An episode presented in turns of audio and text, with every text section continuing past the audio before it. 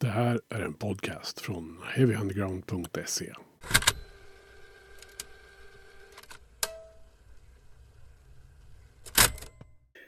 Det är ett sant nöje att ha Blodskam som gäst i Heavy Undergrounds podcast. Och för att liksom få ordning på röster här så tänker jag att mina gäster ska få presentera sig själva lite grann. Ja, jag är Agora. Jag spelar gitarr och bas och skriver all musik. Och jag är då dödfödd och står för sången och eh, har varit med och skrivit texterna på nya skivan ihop med Agora. Varmt välkomna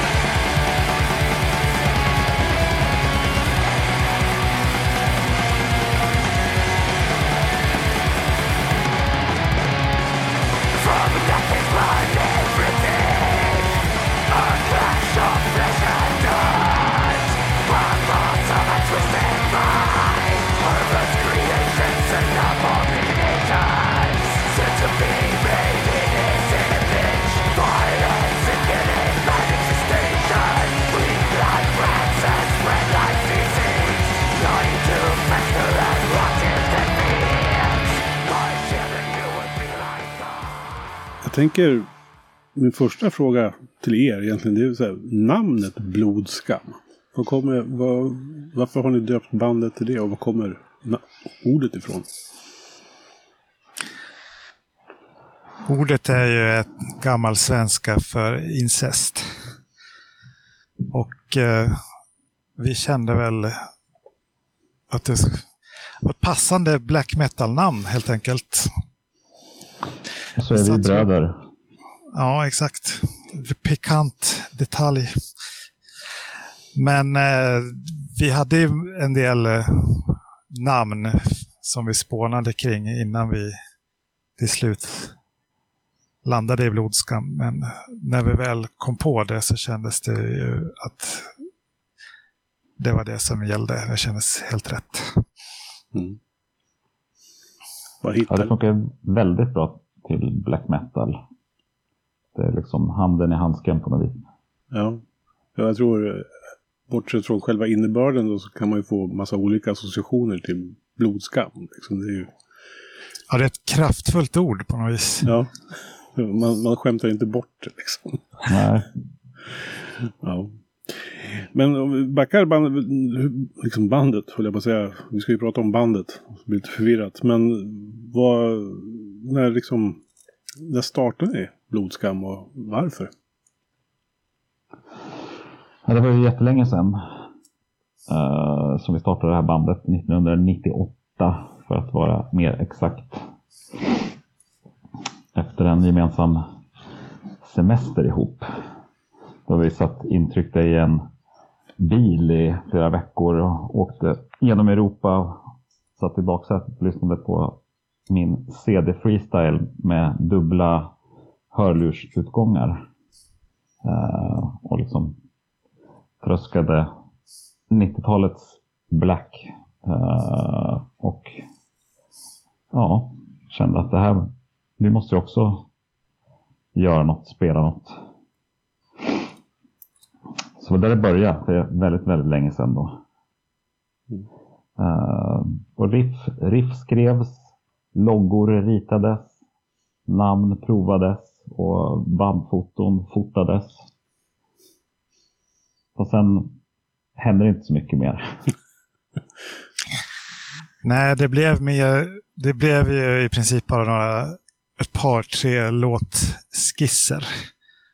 På, om man vill vara välvillig. Det var knappt det. Och sen så bara rann allt ut i sanden på något vis. Vi tog otroligt coola bilder dock som vi har kvar och som man kan kolla på om man scrollar lite på våra sociala medier. Mm. Vad var det liksom i, vad är det i black metal som har lockat er? Ja, hela inramningen är ju ganska kittlande. Uh, det är som allt annat som, som man har blivit lockad av. Uh, skräckfilm och, och seriemördare. Allt liksom det här mörka som ändå kittlar. Uh, och liksom inramningen av black metal ihop med ett väldigt unikt konstnärligt uttryck blir liksom så hel, helgjutet och, och ja, vissa mm, personer och vi är ju ibland dem man bara liksom det klickar eller vad man ska säga. Eh, allt blir rätt. Ja, på något sätt så känns det som att det har lett fram. Det är så mycket som har lett fram till till black metal i ens liv, eller vad man ska säga. Det, om man ser tillbaka så fanns ju intresse för okultism och skräck och alla de grejerna ända sedan jag var liten. Det var ju liksom... Ja, men det är så länge man kan minnas. 8, 9, 10 års åldern, liksom. kanske ännu tidigare. Som eh, det fanns en ganska djup fascination för den typen av grejer tidigt. Jag kommer till exempel ihåg när, vi, när jag var liten, när jag och min andra bror, storebror, stöpte ljus hemma i stugan tillsammans. Och mamma hjälpte väl oss, antar jag. Men vi hade svart, svarta ljus och så skar vi oss i fingret. Droppade i ljusmassan och blandade i svavel. Och kände att det var mäktigt. Och mamma var med på det här alltså? Ja, jag måste ju ha varit det. Jag kan inte komma ihåg riktigt, men hon, väl toler hon tolererade väl det. På något vis. Ja, hon har fått varit med om mycket, våra kära föräldrar. Så jag är ju ganska mycket yngre än mina storebröder, så att det började liksom om igen med mig då. Uh, också svarta ljus och eh, kan inte minnas att jag skar mig, men det var ju bara monster och satan och skräck och grejer sedan man var barn. Liksom. Mm. Men jag, är så, jag kan inte säga att jag är en jättestor konsument av just black metal som musik. Men jag är fruktansvärt fascinerad av hela liksom, kulturen runt black metal med allt det visuella. Och precis som ni liksom är lite inne på det här med okultismen. Liksom att men Watain är väl det tydligaste och mest liksom, sedda exemplet i landet liksom, på hur man kan leva sin musik som en, som en sorts uttryck för vem man är. Alltså, eh, vet inte, vad, vad, är liksom, vad är det ni, vad är det som kittlar så med allt det här? Ja, det har man ju, det är en fråga som man har funderat över en del. Men jag har inte något bra svar Nej. på den egentligen. Nej. Utan det, det, eftersom det kom så pass tidigt så har det bara funnits där, känns det på något vis. Och sen har ju musiken också, när man väl hittade musik som passade med de känslorna. Det kanske börjar med Black Sabbath. Kiss var ju första stora musikaliska upplevelsen när det gäller liksom både visuellt och mus musiken. Och sen kom eh, hårdare band med tiden. Liksom. Så det, det, har väl, det är väl en utveckling som har följts åt. Jag är liksom inte på något vis inte kalla mig för religiös eh, särskilt mycket alls, men just musik är väl det närmaste jag kommer. Jag tänker mig hur andra liksom upplever sin tro eller känslan av en tro. Precis. Eh, så det väcker ju något väldigt speciellt inom en som man inte kan förklara musik. Och kanske då black metal eh, speciellt. Eh, är ja, väldigt speciellt. Svårt att beskriva det på något bra sätt. Men, men det liksom berör verkligen på djupet hos mig då. Eh, och jag kan tycka att det liksom fyller någon med meditativ funktion. Även om det liksom är full fräs i 300 km i timmen. Uh, så det är väldigt lugnande hos mig. Det där är ju en lite spännande aspekt. För jag, jag, kan ju, jag är ju lite mer inne på death metal och grind och sånt där. Men när jag spelar det för andra så blir de ju extremt stressade ibland av att lyssna på det jag lyssnar på. Men jag kan ju sitta och lyssna på det som på jobbet. Liksom. Mm. För, för, liksom, Precis. Jag känner mig tämligen avslappnad när jag har gjort det. liksom, efteråt eller under tiden jag lyssnar på det. Och det, där är lite, det är som att det liksom tar udden av uh, verkligheten på något sätt. Jag hade en extremt stressig förmiddag här och satt och flängde runt i en bil och hade tid jag skulle passa. Och gasen i botten och andan uppe i halsen. Liksom. Då slängde jag på Arise med Sepultura. Mm. Då kunde man pusta ut lite och få, få lite inombords lugn. Höra de här hetsiga trummorna. Liksom. Ja. Det är fascinerande vad musik gör med människan. Mm. Eh, men det, jag tycker också att det, de bilder jag ser på er och så här, alltså det, hela den här jag ska inte kalla det för image, för det är lite, på något sätt blir lite nedvärderande i det här sammanhanget. Men det, det är liksom en, känsla ni förmedlar, det liksom syns inte riktigt på bilderna liksom. Och det är alltid höljt i dunkel liksom. Där. Eh, och ger det någon sorts frihet i er kreativitet? Absolut, det är väl det största skälet för mig i alla fall. Att vi har valt den, den uh, approachen. Att inte fronta liksom med vilka vi är. Liksom. Och jag tycker det känns befriande på ett sätt. Och uh, jag har inget större behov av av den där eh, kändis kändisdelen, eller vad man ska kalla det för. Inte för att den känd, är någon direkt kändiskultur i den här genren på det sättet, men mm.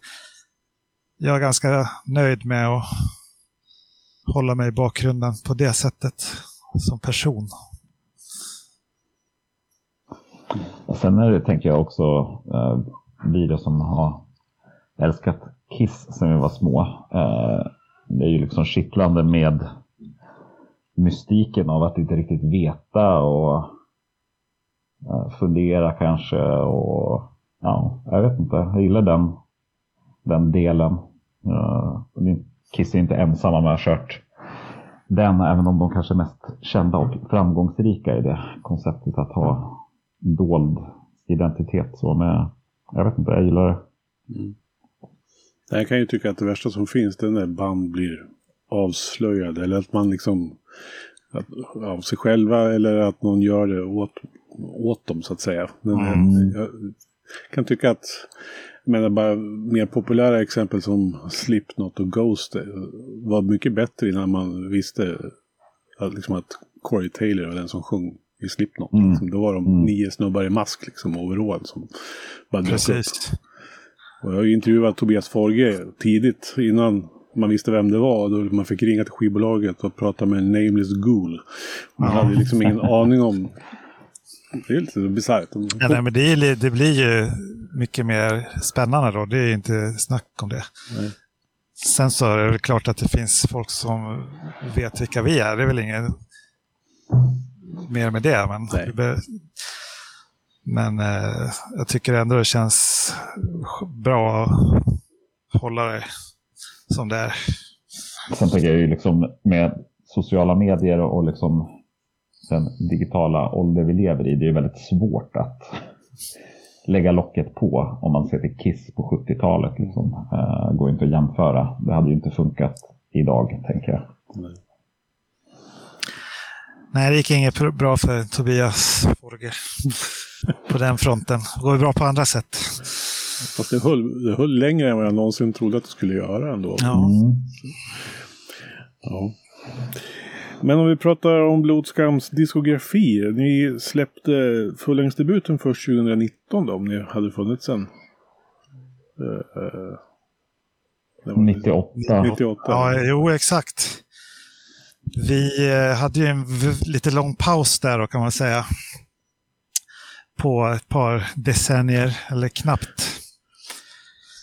Sen så eh, en dag, jag kan inte riktigt svara på vad det var som tände den gnistan, men jag tänkte att vad fan, det här håller inte, vi måste skaka liv i det här igen. Så jag skrev klart de skisser som vi hade påbörjat ur minnet. För vi hade visserligen någon inspelning på någon gammal minidisk. Ja, precis. Den kunde inte jag lyssna på. Så jag försökte bara komma ihåg hur det var. Och så skrev jag klart ett par låtar och sen så skrev jag några nya och spelade in dem på i demoversioner och skickade iväg till Dövfödd och sa att ja, men nu, nu kör vi igång här igen. Det gjorde vi. Ja, och så spelade vi in skivan sedan 2014 blev väl det. Ja, precis. Och eh, den var ju klar då, bra länge innan det väl kom ut. Det berodde ju på olika saker. Vi fick kontakt med eh, Suicide. Via, det var du som kände dem. Ja, men precis. Kompisars Ja. kompisar och liksom man umgicks i samma kretsar så. Mm. Och de fick ju nys, jag vet inte hur riktigt. Eh, Vi hade ju någon låt ute på Soundcloud. Eh, Henrik där då, som var ena halvan av Suicide Records då i alla fall. Och jag tyckte det här var typ det bästa han hade hört. Och liksom, det, här, det här måste vi släppa. Och vi hade pratade om det väldigt länge, men de hade dåligt med cash. Så det gick liksom inte att få till det riktigt. Även om viljan fanns där så fanns inte ekonomin riktigt. Nej, och sen så var det snack om att vi skulle släppa en split-kassett. Ett tag också. Kom Ja, just det. eh, Ludvika band. Hette Ömheten. Ömheten, precis. Depressive Suicidal Black Metal. Men det sket det också. Vet, det vi bara inte blev av helt enkelt. Nej. Men eh, till slut så föll bitarna på plats. Och vi hade väl liksom kontakt med Suicide lite sporadiskt hela tiden. Mm. Och eh, till slut trillade pengarna in. Ja. Men det här känns ju som... Blodskam känns ju som en perfekt, ett så här typiskt bra suicide-band. Det ju, har ju lite av de ingredienser som jag känner igen från det mest, allt de gör liksom. Så att, Mm. ja. Ja, vi tyckte det passade oss och de Mm. tyckte uppenbarligen det också. Mm. Hur, ser, hur ser ni på debuten nu då, några år senare? Om ni lyssnar på den och tänker på den. Jag tycker den är väldigt bra faktiskt. Väldigt härlig ljudbild på den skivan. Det här lite fuzziga eh, gitarrljudet och, och som inte kanske är helt black metal typiskt. Eh, gör att den får ett väldigt eget sound tycker jag. Jag har lyssnat på den idag senast faktiskt. Ja, jo, det, den har sina stunder, det tycker jag. Men nu har ni ju en ny platta på gång här. Eh, när vi spelar in det här så släpps den väl i dagarna. Eh, av eh, Eva. Eh, Precis. vad kan man säga om den? Hur Liksom, berätta lite om bakgrunden till varför ni har spelat in den här skivan och varför den heter som den gör. Ja, första, Ja, det var... Ja, kör du Agora. ja, första skivan, det var ju en temaskiva som handlar om sinnessjukdom i, grund, i olika synvinklar. Man kan tolka det på lite olika sätt. Man kan se det som varje låt är ur en mental patients perspektiv som då sitter på en avdelning allihop. Man kan också se varje låt för sig, men de hänger ihop.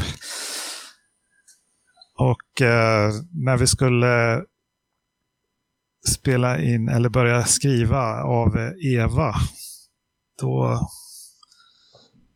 då sa vi båda två, ja men jag har en idé till ett tema, för vi är väldigt förtjusta i temaskivor båda två. Det blir så när man lyssnar mycket på King Diamond. Precis. Ja. Och då, ja men, ja, säg du först. Ja, ja, ja, det visade sig att eh, det var liksom i princip samma idé som vi hade funderat på på varsitt håll. Att, att skivan kom att kretsa kring den bibliska gestalten Eva. Helt enkelt. Det är det den handlar om. Mm. Från början till slut. Berätta lite. var väl väldigt lustigt sammanträffande verkligen att, att vi hade tänkt typ till 90 procent i alla fall samma idé. Mm. Eh, nej men man får ju följa Eva och den är väl lite mer straightforward rent tematiskt än vad debutskivan är. Så det här är liksom en, en kronologisk berättelse från start till slut då. Uh, som ju börjar med liksom Evas missnöje med, med sin herre Gud då som har skapat henne och Adam. Uh, resten av mänskligheten. Hon eh, träffar såklart på Satan i, i eh, paradiset. Får kunskapen då, äta den förbjudna frukten.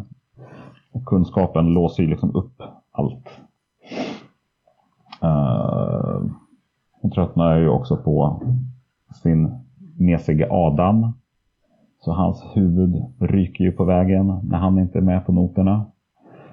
Uh, och sen slutar ju allt i, i den liksom totala förstörelsen av Guds verk och världen eh, som vänds till evigt kaos. Mm. Så det är väl liksom den resan man får vara med på. Precis. Det är ju en historia om eh, Evas förkastelse och uppror gentemot skaparen. Man får dyka ner i text, eh, texterna i konvolutet sen och följa med på resan. Men hur kommer det sig att ni båda liksom fastnade för det här temat då? Vad liksom, om ni nu hade tänkt på det båda två, men på ett lite olika sätt kanske, men det blev ju då det här. Ja, För min egen del var ju liksom den feministiska vinkeln på det, liksom om man ser till att som jag då anser att alla religioner är ju skapade av män för män. Det spelar liksom ingen roll vilken religion det är så är det liksom gubb, gubbvälden då. Att Då liksom göra Eva som urkvinnan då till den som störtar religionen och gubbväldet. Det var väl min tanke in i det hela. Ja, för min del så var det väl ganska tydlig konsekvens av att jag läste en bok, helt enkelt. som heter Satanic Feminism av Per Faxneld. Svensk forskare och författare. Som är väldigt intressant, som handlar om hur kvinnorörelsen och kvinnlig frigörelse har tagit sitt avstamp i olika tolkningar av satanism och eh, esoteriska rörelser genom historien. Det är en väldigt spännande bok. Så det var liksom, ja men det här kan man ju göra någonting av liksom. Så hur gjorde, någon, hur gjorde ni någonting av det då? Liksom? Hur har processen sett ut? Förutom att liksom gräva fram tankestoffet här bakom, bakom texter och sådär. Jag drog ju liksom upp någon lite grövre linje då för hur liksom berättelsen skulle gå genom låtarna och satte väl kanske låttitlarna ganska tidigt som liksom skulle rama in vad varje låts text skulle vara. Um, så det blev liksom något ramverk som vi sen fyllde, fyllde på med grejer i. Liksom och, ja. Precis, och då hade vi också då satt, det var ju viktigt på något vis att sätta låtordning väldigt tidigt. Om vi skulle ha en, ett flöde som, där både text och musik funkade liksom mm. i kronologin. Mm. Och så skrev vi texterna tillsammans den här gången. Ja, hur har det varit? Jo, men det gick ju till slut. Nej, men jag tyckte det var kul. Jo, det gick bra. Mm. Det är ju alltid lättare på ett plan att skriva själv, men å andra sidan så kan man ju så kommer man inte på de idéer som den andra kommer på. Nej, men det är väldigt roligt att, att bolla och prova grejer och liksom, ja, någon kommer på något som det här blir bättre och så tycker man, ja det blir ju faktiskt. Det hade ju som sagt inte jag kommit på. Så att, mm. ja, det, gick, det gick ändå bra. Mm. Såklart så vart det mesta skrivet veckan innan vi skulle in i studion. Så. Jo, men deadline, är ju, deadline är ju författarens bästa vän. Alltså. Exakt. Det var, ändå, det var ändå bra framförhållning. Ja. ja. Vi kanske ska prata lite om, eh, vi har ju en trummis som har spelat på båda skivorna. Det är samma kille som heter Kim Filpe. Han ja. är inte med i bandet, men han har ändå varit en viktig pusselbit tycker jag i hur det låter. Mm. På vilket sätt då? Nej, men han har uh, fattat låtarna ganska snabbt. Och uh, han är fenomenal på att spela helt enkelt. Ja, men han sätter ju verkligen sin, sin egen prägel på det och det passar så väldigt bra ihop med hur man initialt tänker sig att man skulle vilja att det lät. Och så bara spelar han det utan att man egentligen behöver förklara det särskilt mycket. Mm behöver inte vara där och liksom instruera honom särskilt mycket alls, utan det bara passar och, och blir skitbra från början. Han är grym, verkligen. Det verkar ju som en perfekt matchning liksom, i ett band som är liksom uppbyggt till största del på er två. Liksom. Ja, jo, verkligen. Mm, mm. Ja. Så hoppas vi såklart att han kan hoppa in och liva trummor om vi ska köra live någon gång. Då med funkar med hans övriga åtaganden. Musikaliskt, skiljer den hur skulle ni säga, skiljer den sig eller hur, fort, hur är det en fortsättning från debuten då? Liksom, vad, har, vad har hänt med Blodskam sen förra skivan till den här om man ser till musiken? Om det har hänt någonting? Ja, alltså låtskrivandet är nog grund och botten ganska likt, tycker jag. Även om det kanske kom ut lite mer dynamiskt och att låtarna är mer varierade. Ja, jag tycker jag tänka ut, mig på den här skivan. Tar ut svängarna något mer än, än uh, debuten, tycker jag. Mm. Rör sig liksom i ett större landskap. Rent musikaliskt. Mm. Jag tycker att det är väldigt för att vara black metal så är det ju väldigt lättillgängligt. Alltså jag kan uppskatta liksom kanske är bedrägligt men det känns eh, lättlyssnat jämfört med mycket annan black metal jag har hört. Men det är väl en smaksak. Men jag, det är liksom bra melodier i det på något sätt. Ja, men, ja absolut. Det är väldigt uh, snygga melodier och, och liksom, de sätter sig ju. Mm. Tycker jag. Så det finns ju någon hook uh, i, i stor del av materialet. Mm. Var... Och vi ville på något vis, eller när jag skrev musiken så kändes det som att det måste sluta på något extremt episkt och men ändå monotont och malande sätt. Och det blev ju då Chaos Reigns som är den sista låten. Mm. Där jag hade någon idé om att ja, men det ska vara enkelt. Den här bam, bam, bam takten ska gå igenom hela låten.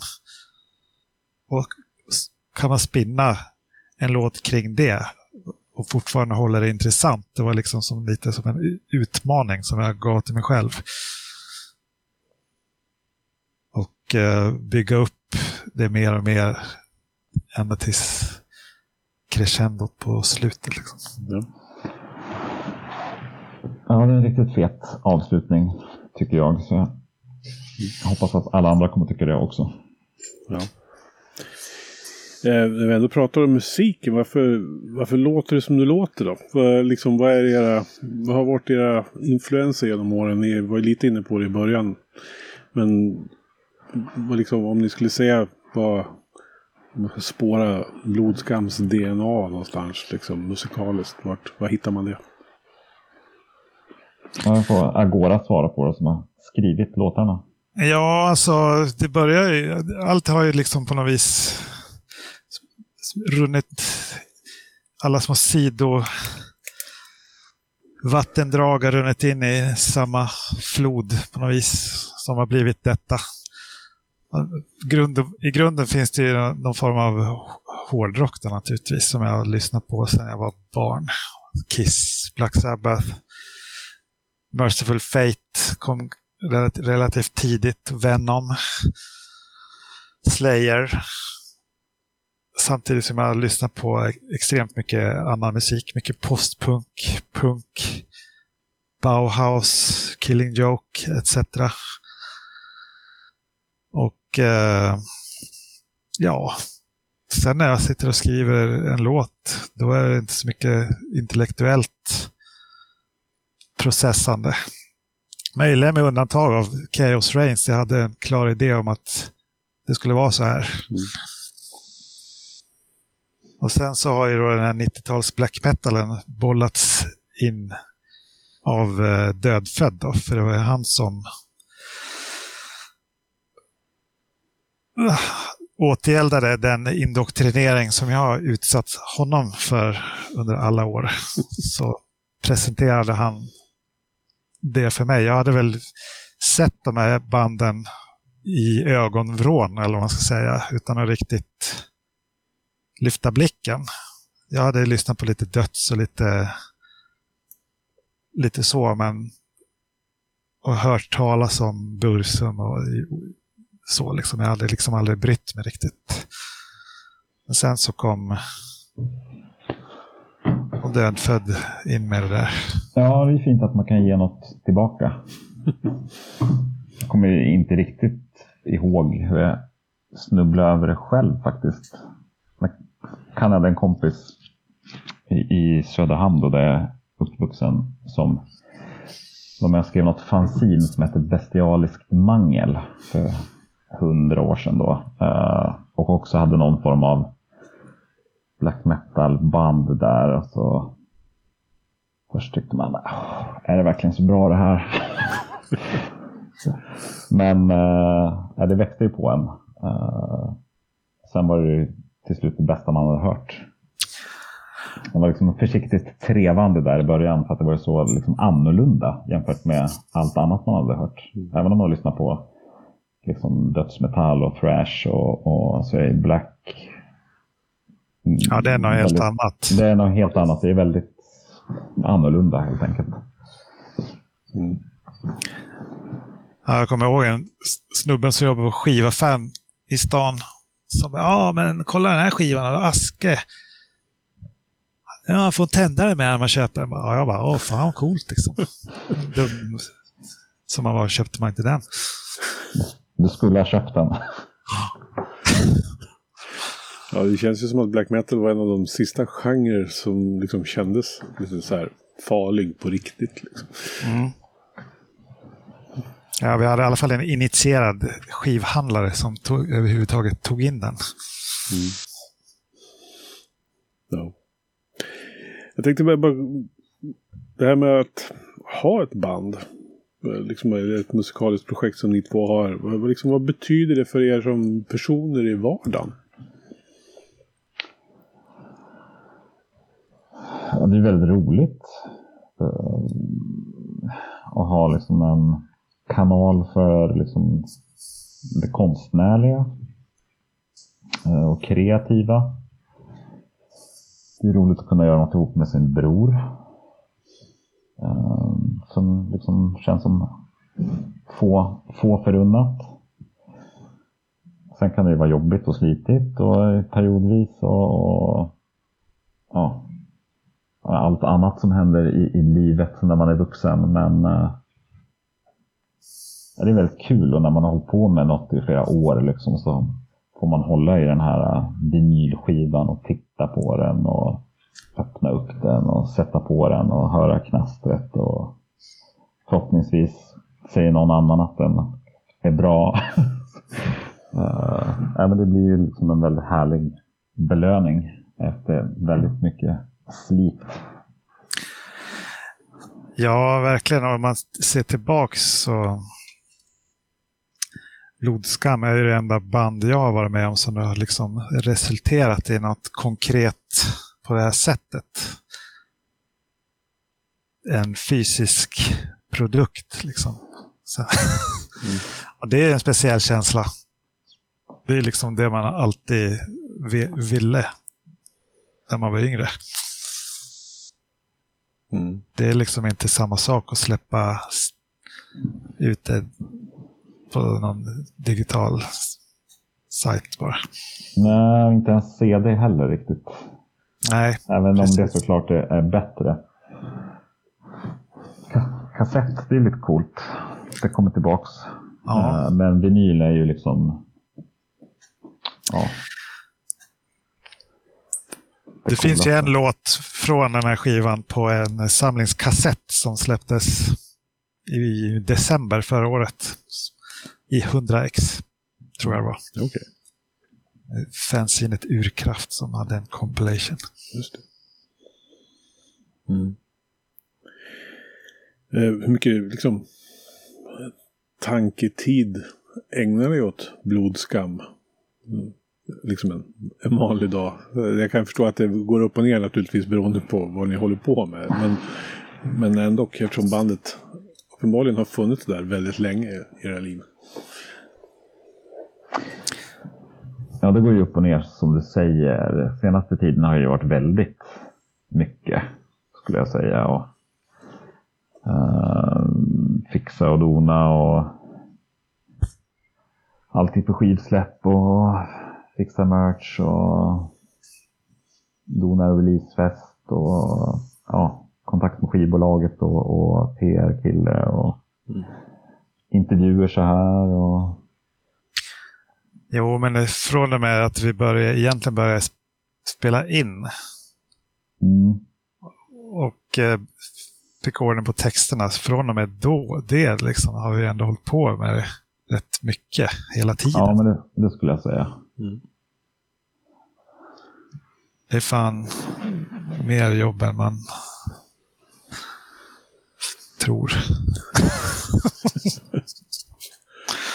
som inte har med musiken att göra. Det vet alla som håller på, men så är det. Så det blir liksom lite urladdning nu när, när skivan faktiskt släpps och, och releasefesten blir av och, och sådär liksom. Så då får man väl landa in i det lite grann och njuta lite tror jag. Ja, jag tänkte känna... Ja, fortsätt. Och sen börja fundera på nästa tema då. Ja, Vi har ju lite idéer där också sen. Så. Ja, det var det jag tänkte komma till. Det här när skivan då, när ni står med skivan i handen och releasefesten gjord och alla har hört den.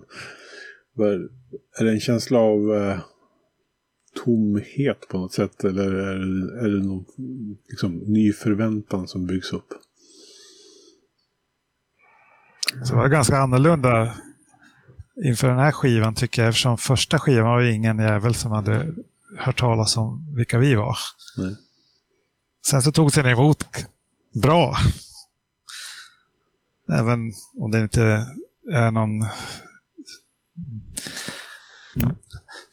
jättemånga som känner till det så liksom de som har snubblat över den gillar den ju. Så är det ju.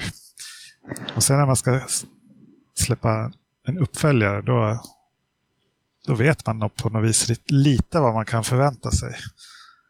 Det är både positivt och negativt kan jag tycka. Mm. Ja, men jag tycker det ska bli ganska skönt. Uh, ingen tomhet så liksom, utan mer liksom... De kommer lyssna på den och njuta lite av, av lite lugn så. Och sen planera framåt. Och det är ju jätteroligt att börja med något nytt. Ja, för det är vi ganska överens om att ambitionen är att skriva en till skiva. Mm. Det var inte riktigt lika givet efter Labba, kände jag. Utan då var vi nog bara nöjda över att ha gjort den. Ja, Och sen så...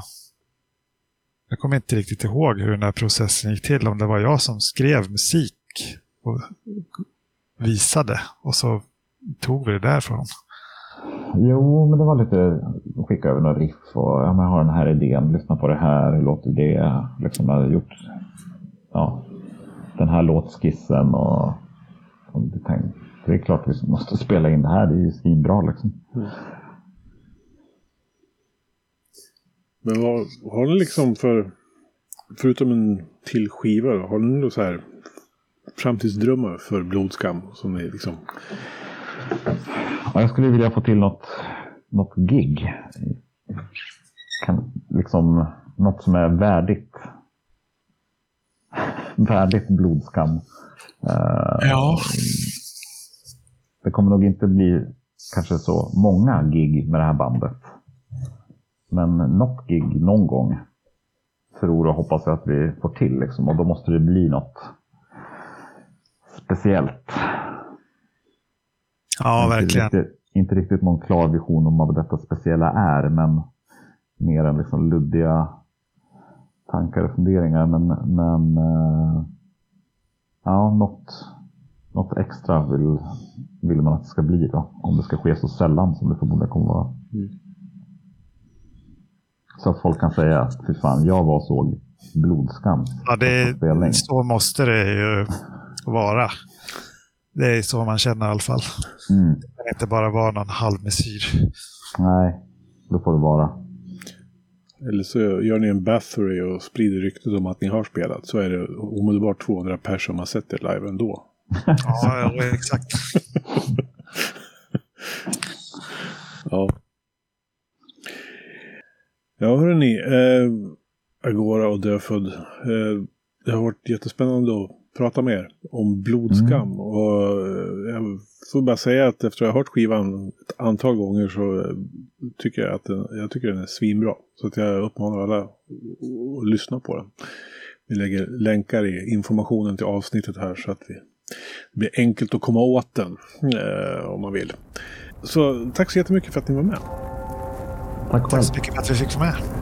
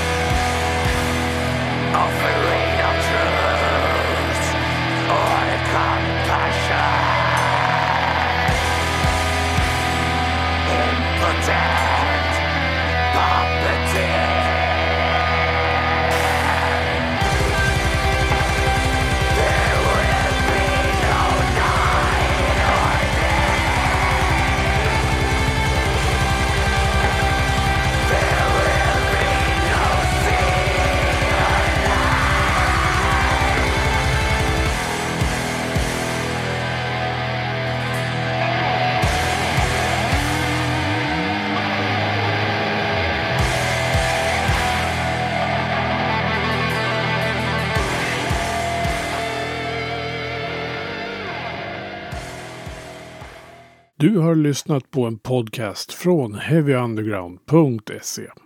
Jag som säger det heter Magnus Tannegren och är den som producerar och intervjuar i den här podcasten.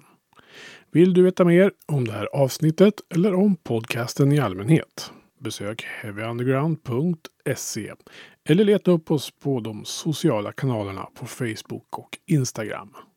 Tack för att just du har lyssnat. Hey, I met you. You are not cool. I know. Even when I thought I was, I knew I wasn't. Because we are uncool. I'm glad you were home. I'm always home. I'm uncool. Me too. You're doing great. You know, the only true currency in this bankrupt world is what you share with someone else when you're